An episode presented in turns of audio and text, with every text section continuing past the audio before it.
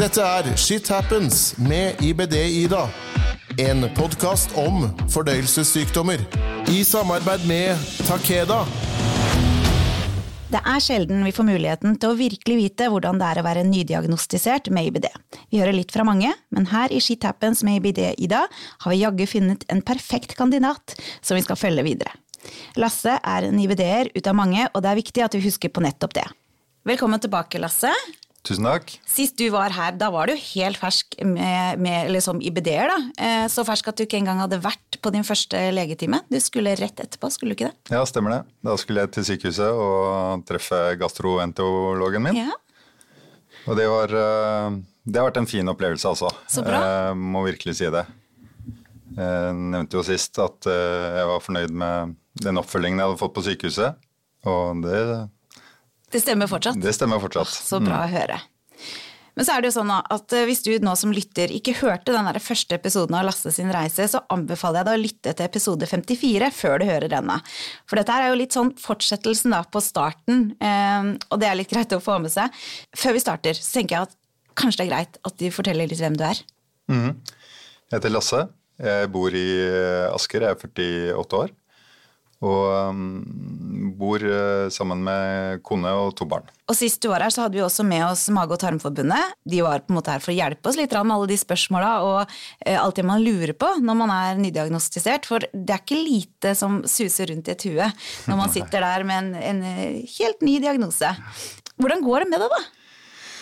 Jo, det går egentlig eh, veldig bra. Jeg eh, fikk jo kortison eh, og har gått på det helt fram til nå, egentlig. Så den tar jo det meste. Ja. Så jeg har vært i god form, det må jeg si. Eh, jeg har um, fått fin oppfølging underveis på sykehuset, og har akkurat nå starta på biologisk uh, medisin. Og ja, Så formen er, er egentlig bra. overraskende bra. Ja, så bra.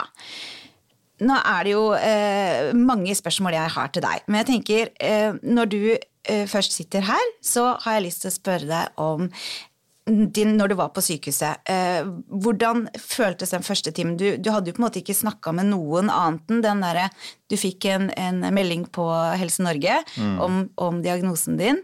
Eh, var du spent? Den første timen? Ja, ehm, jeg hadde jo vært ganske dårlig lenge, så det var som jeg nevnte sist, så var det en, en, egentlig en slags befrielse å få en dia diagnose. Eh, og jeg var eh, åpen og, og nysgjerrig på hva som kommer til å skje videre. Um, jeg fikk jo, i tillegg til å få en veldig fin og lang prat med, med legen og litt om fremtiden, så, så ble jeg kobla på et, et system som jeg syns har vært veldig bra, da. Jeg fikk en eh, eget telefonnummer, noe de kaller for IBD-telefonen, som kommer da til gastrosykepleierne på avdelingen.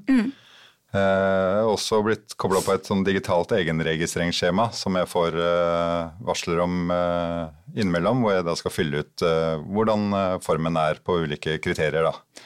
Det er jo helt fantastisk. Ja, og, og så er det sånn at det svarene jeg gir, går tilbake til sykehuset, og, og hvis de ser noe uro, urovekkende i svarene, så blir jeg kontakta. Ja. Ja. Tenker at da har vi kommet et skritt eh, i riktig retning. For det er jo nettopp det som skjer imellom legetimene. Eh, som eh, Vi er jo kjempegode til å holde lenge før vi tar kontakt med lege, ikke sant? og her kan de fange opp mye. Så det, det der er virkelig eh, klapp på skuldra til disse her eh, legene våre og sykehuset. Ja, og så er det jo sykehusene har mye å gjøre, så, og det er litt vanskelig å komme i kontakt. Kan Ja. være vanskelig å komme i kontakt med de, så det å få en sånn snarvei inn, på en måte, det er jo eh, veldig betryggende, da. For det er jo også sånn at Vanligvis så tar man kontakt med, med sin egen fastlege, og så skal man da vente på at fastlegen skal sende et brev, og så kan det gå så lang tid. Mm. så det å forkorte ned den der veien fra pasient til eh, sykehuset eller til avdelingen din, da, det er kjempeviktig. Og det har de jo jobba mye med i de siste åra, så det er jo veldig, veldig, veldig bra. Eh, Så det som er, ja, sorry, det som er fint med, med den perioden jeg har vært gjennom nå, da, jeg har tålt uh, mye mer matvarer enn det jeg gjorde i, i den perioden før jeg ble, fikk diagnosen. Mm. Jeg gikk jo ned 16 kilo i høst slash vinter. Eh, og nå da har jeg klart å legge på meg litt igjen, heldigvis, Ja. og, og, og jobbe litt med det. da. Mm. det, det har vært fint. da. Ja, for det, det er jo det, det kreves jo eh, en jobb å klare å komme seg opp igjen i vekt også, for det, det er ehm, det tar egentlig mye lengre tid enn det man tror. Eh, og i hvert fall når en ikke kan spise alt, og så er man litt engstelig også etter å ha blitt så mye dårlig av mat. da. Så tør en jo liksom ikke å bare heve innpå heller. Nei. Men når du var på sykehuset øh, øh, hos legen, så snakka han litt om veien videre. Eh, og øh, deriblant så regner jeg med dere snakka om litt undersøkelser som du skulle gjøre.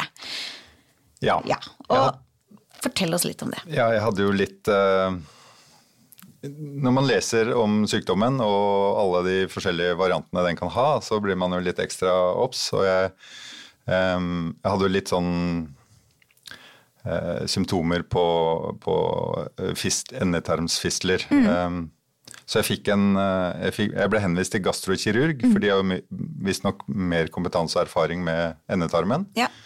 Så da fikk jeg min debut i gynekologstolen. Ja, og der må jeg, jeg som dame da, vet du, blir jo litt sånn her, jeg syns dette her er litt uh, festlig. Eller altså, det er jo ikke festlig, men, men vi har jo uh, ligget i en sånn stol mange ganger. Så hvordan er det, uh, var det for en mann? Nei, det, det var jo omtrent så um, lite kult som man ser for seg. Ja. Det var det. Men de var, det må jeg si, sykepleieren og, og kirurgen var veldig, veldig fine. Eh, og jeg følte meg godt ivaretatt, og de brukte lang tid på å forklare hva jeg skulle gjøre. Og var veldig skånsomme underveis. Så, så det, ble, det også ble en veldig fin opplevelse. For bare sånn at eh, jeg tenker at det er ikke alle som har vært igjennom en sånn endetarmsopplevelse, eller endetarmsundersøkelse heter det jo. Um, Kan ikke du forklare litt hva skjedde? Hva gjør man? Eh, nei, det var jo først så skulle han eh, undersøke litt og kjenne litt eh, her og der. Og så brukte han et kamera da, som han eh, Et skopi. fikk. Ja. Mm. Mm.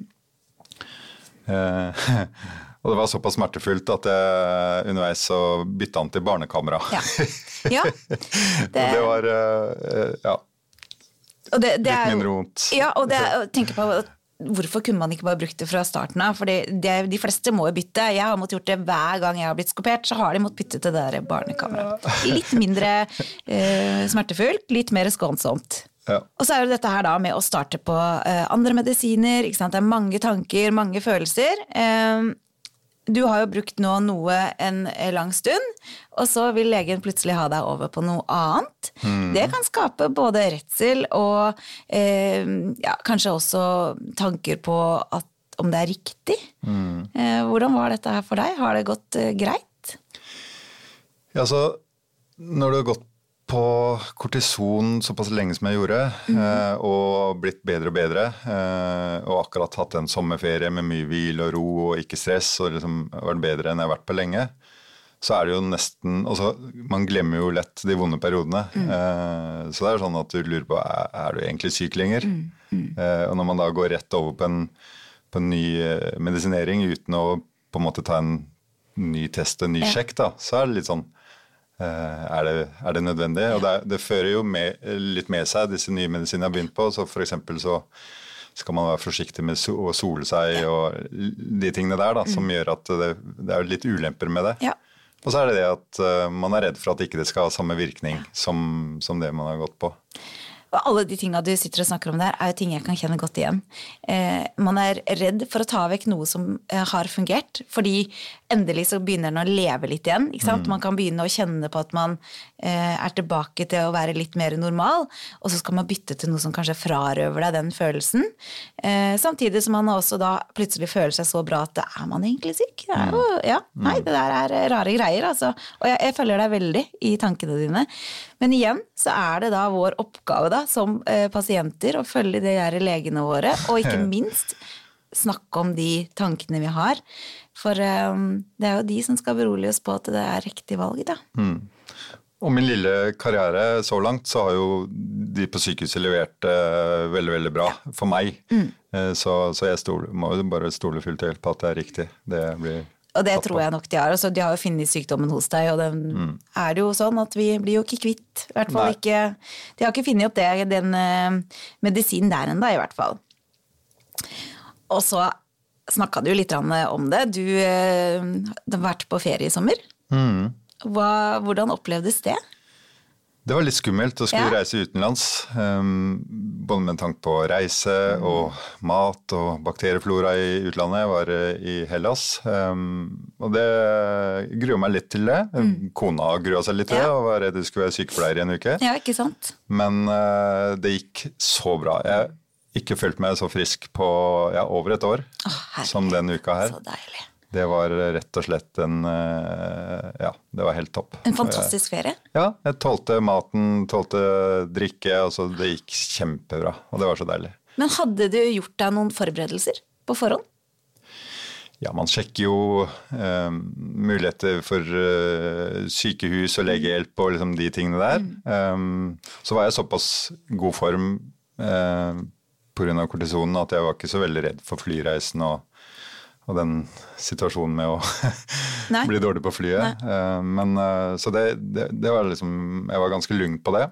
Mm, Men man gjør seg jo noen forberedelser og sjekker litt ekstra, litt mer enn det man kanskje gjorde før. Før man ble syk, ja. Ja. Og dette her med å ha eh, forsikringene sine i orden er jo kanskje ekstra viktig for oss som er syke, da. Ja, det var også en ting vi sjekka. Eh, og, og det med mm, hva heter det, eh, helsekort, Ja. eh, som gir deg tilgang til offentlig legehjelp da, Ja. i utlandet. Det, det bestilte vi, det har vi ikke hatt før. Nei, Selv om alle forskjell. har det, egentlig. Ja. Ja, og det er sånne ting man ikke tenker på da, før man sjøl blir syk. Mm. Eh, og dere tok fly, eller? Det var det du sa? ikke sant? Ja. Dere flydde. Mm. Og var en uke eller to? Eller? En uke. Og det å kunne sitte da og si at man i løpet av så kort tid som en uke opplevde å på en måte ikke altså Så frisk har jeg ikke vært på lenge. Det, det gjør jo kanskje ø, noe med ønsket om å ta mer ferier. Det er jo nydelig da å kjenne på at man kan leve litt og, og ikke minst spise alt man vil og bare kose seg. Ja.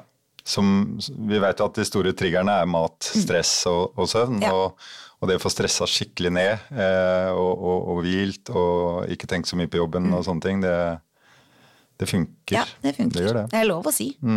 Eh, og sånn er mine opplevelser også. Jeg, jeg tror nok både det med eh, at vi får den der boosten av D-vitamin, at vi får på en måte eh, roa oss vi, vi spiser fortsatt, jeg gjør i hvert fall det, helt annerledes når jeg er på ferie enn, enn hva jeg gjør hjemme.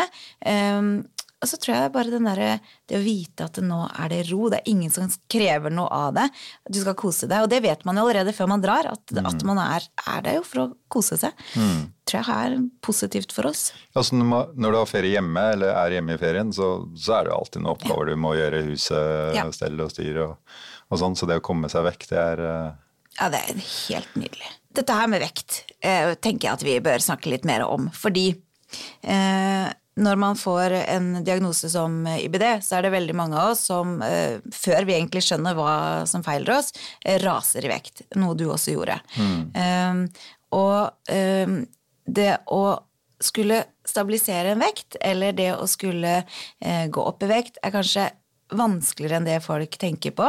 Har du vært i kontakt med en ernæringsfysiolog, eller fått tilbud om det? Eh, ikke ennå. Jeg, har, jeg nevnte det for legen at jeg ønska det. Eh, han skulle henvise meg, men vi har bare ikke kommet så langt, tror jeg. Tenker du at det kan være positivt for deg? Ja, absolutt.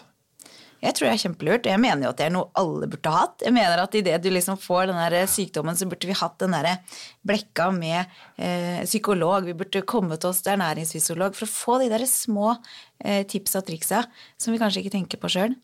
For det, det er jo viktig da, å komme tilbake til, til normalvekten sin, eller i hvert fall sånn at man trives og føler seg sunn og frisk. Mm, mm.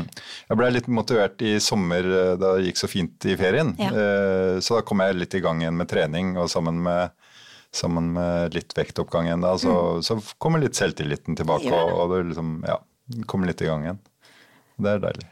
Etter nydelig sommerferie så er det tilbake på jobb. Eh, og vi snakka litt om jobb eh, forrige gang i forhold til at du har vært helt åpen eh, og snakka om hvordan, eh, hvordan du har det til alle rundt deg, og at følt det har fungert bra. Hvordan, hvordan eh, går det nå?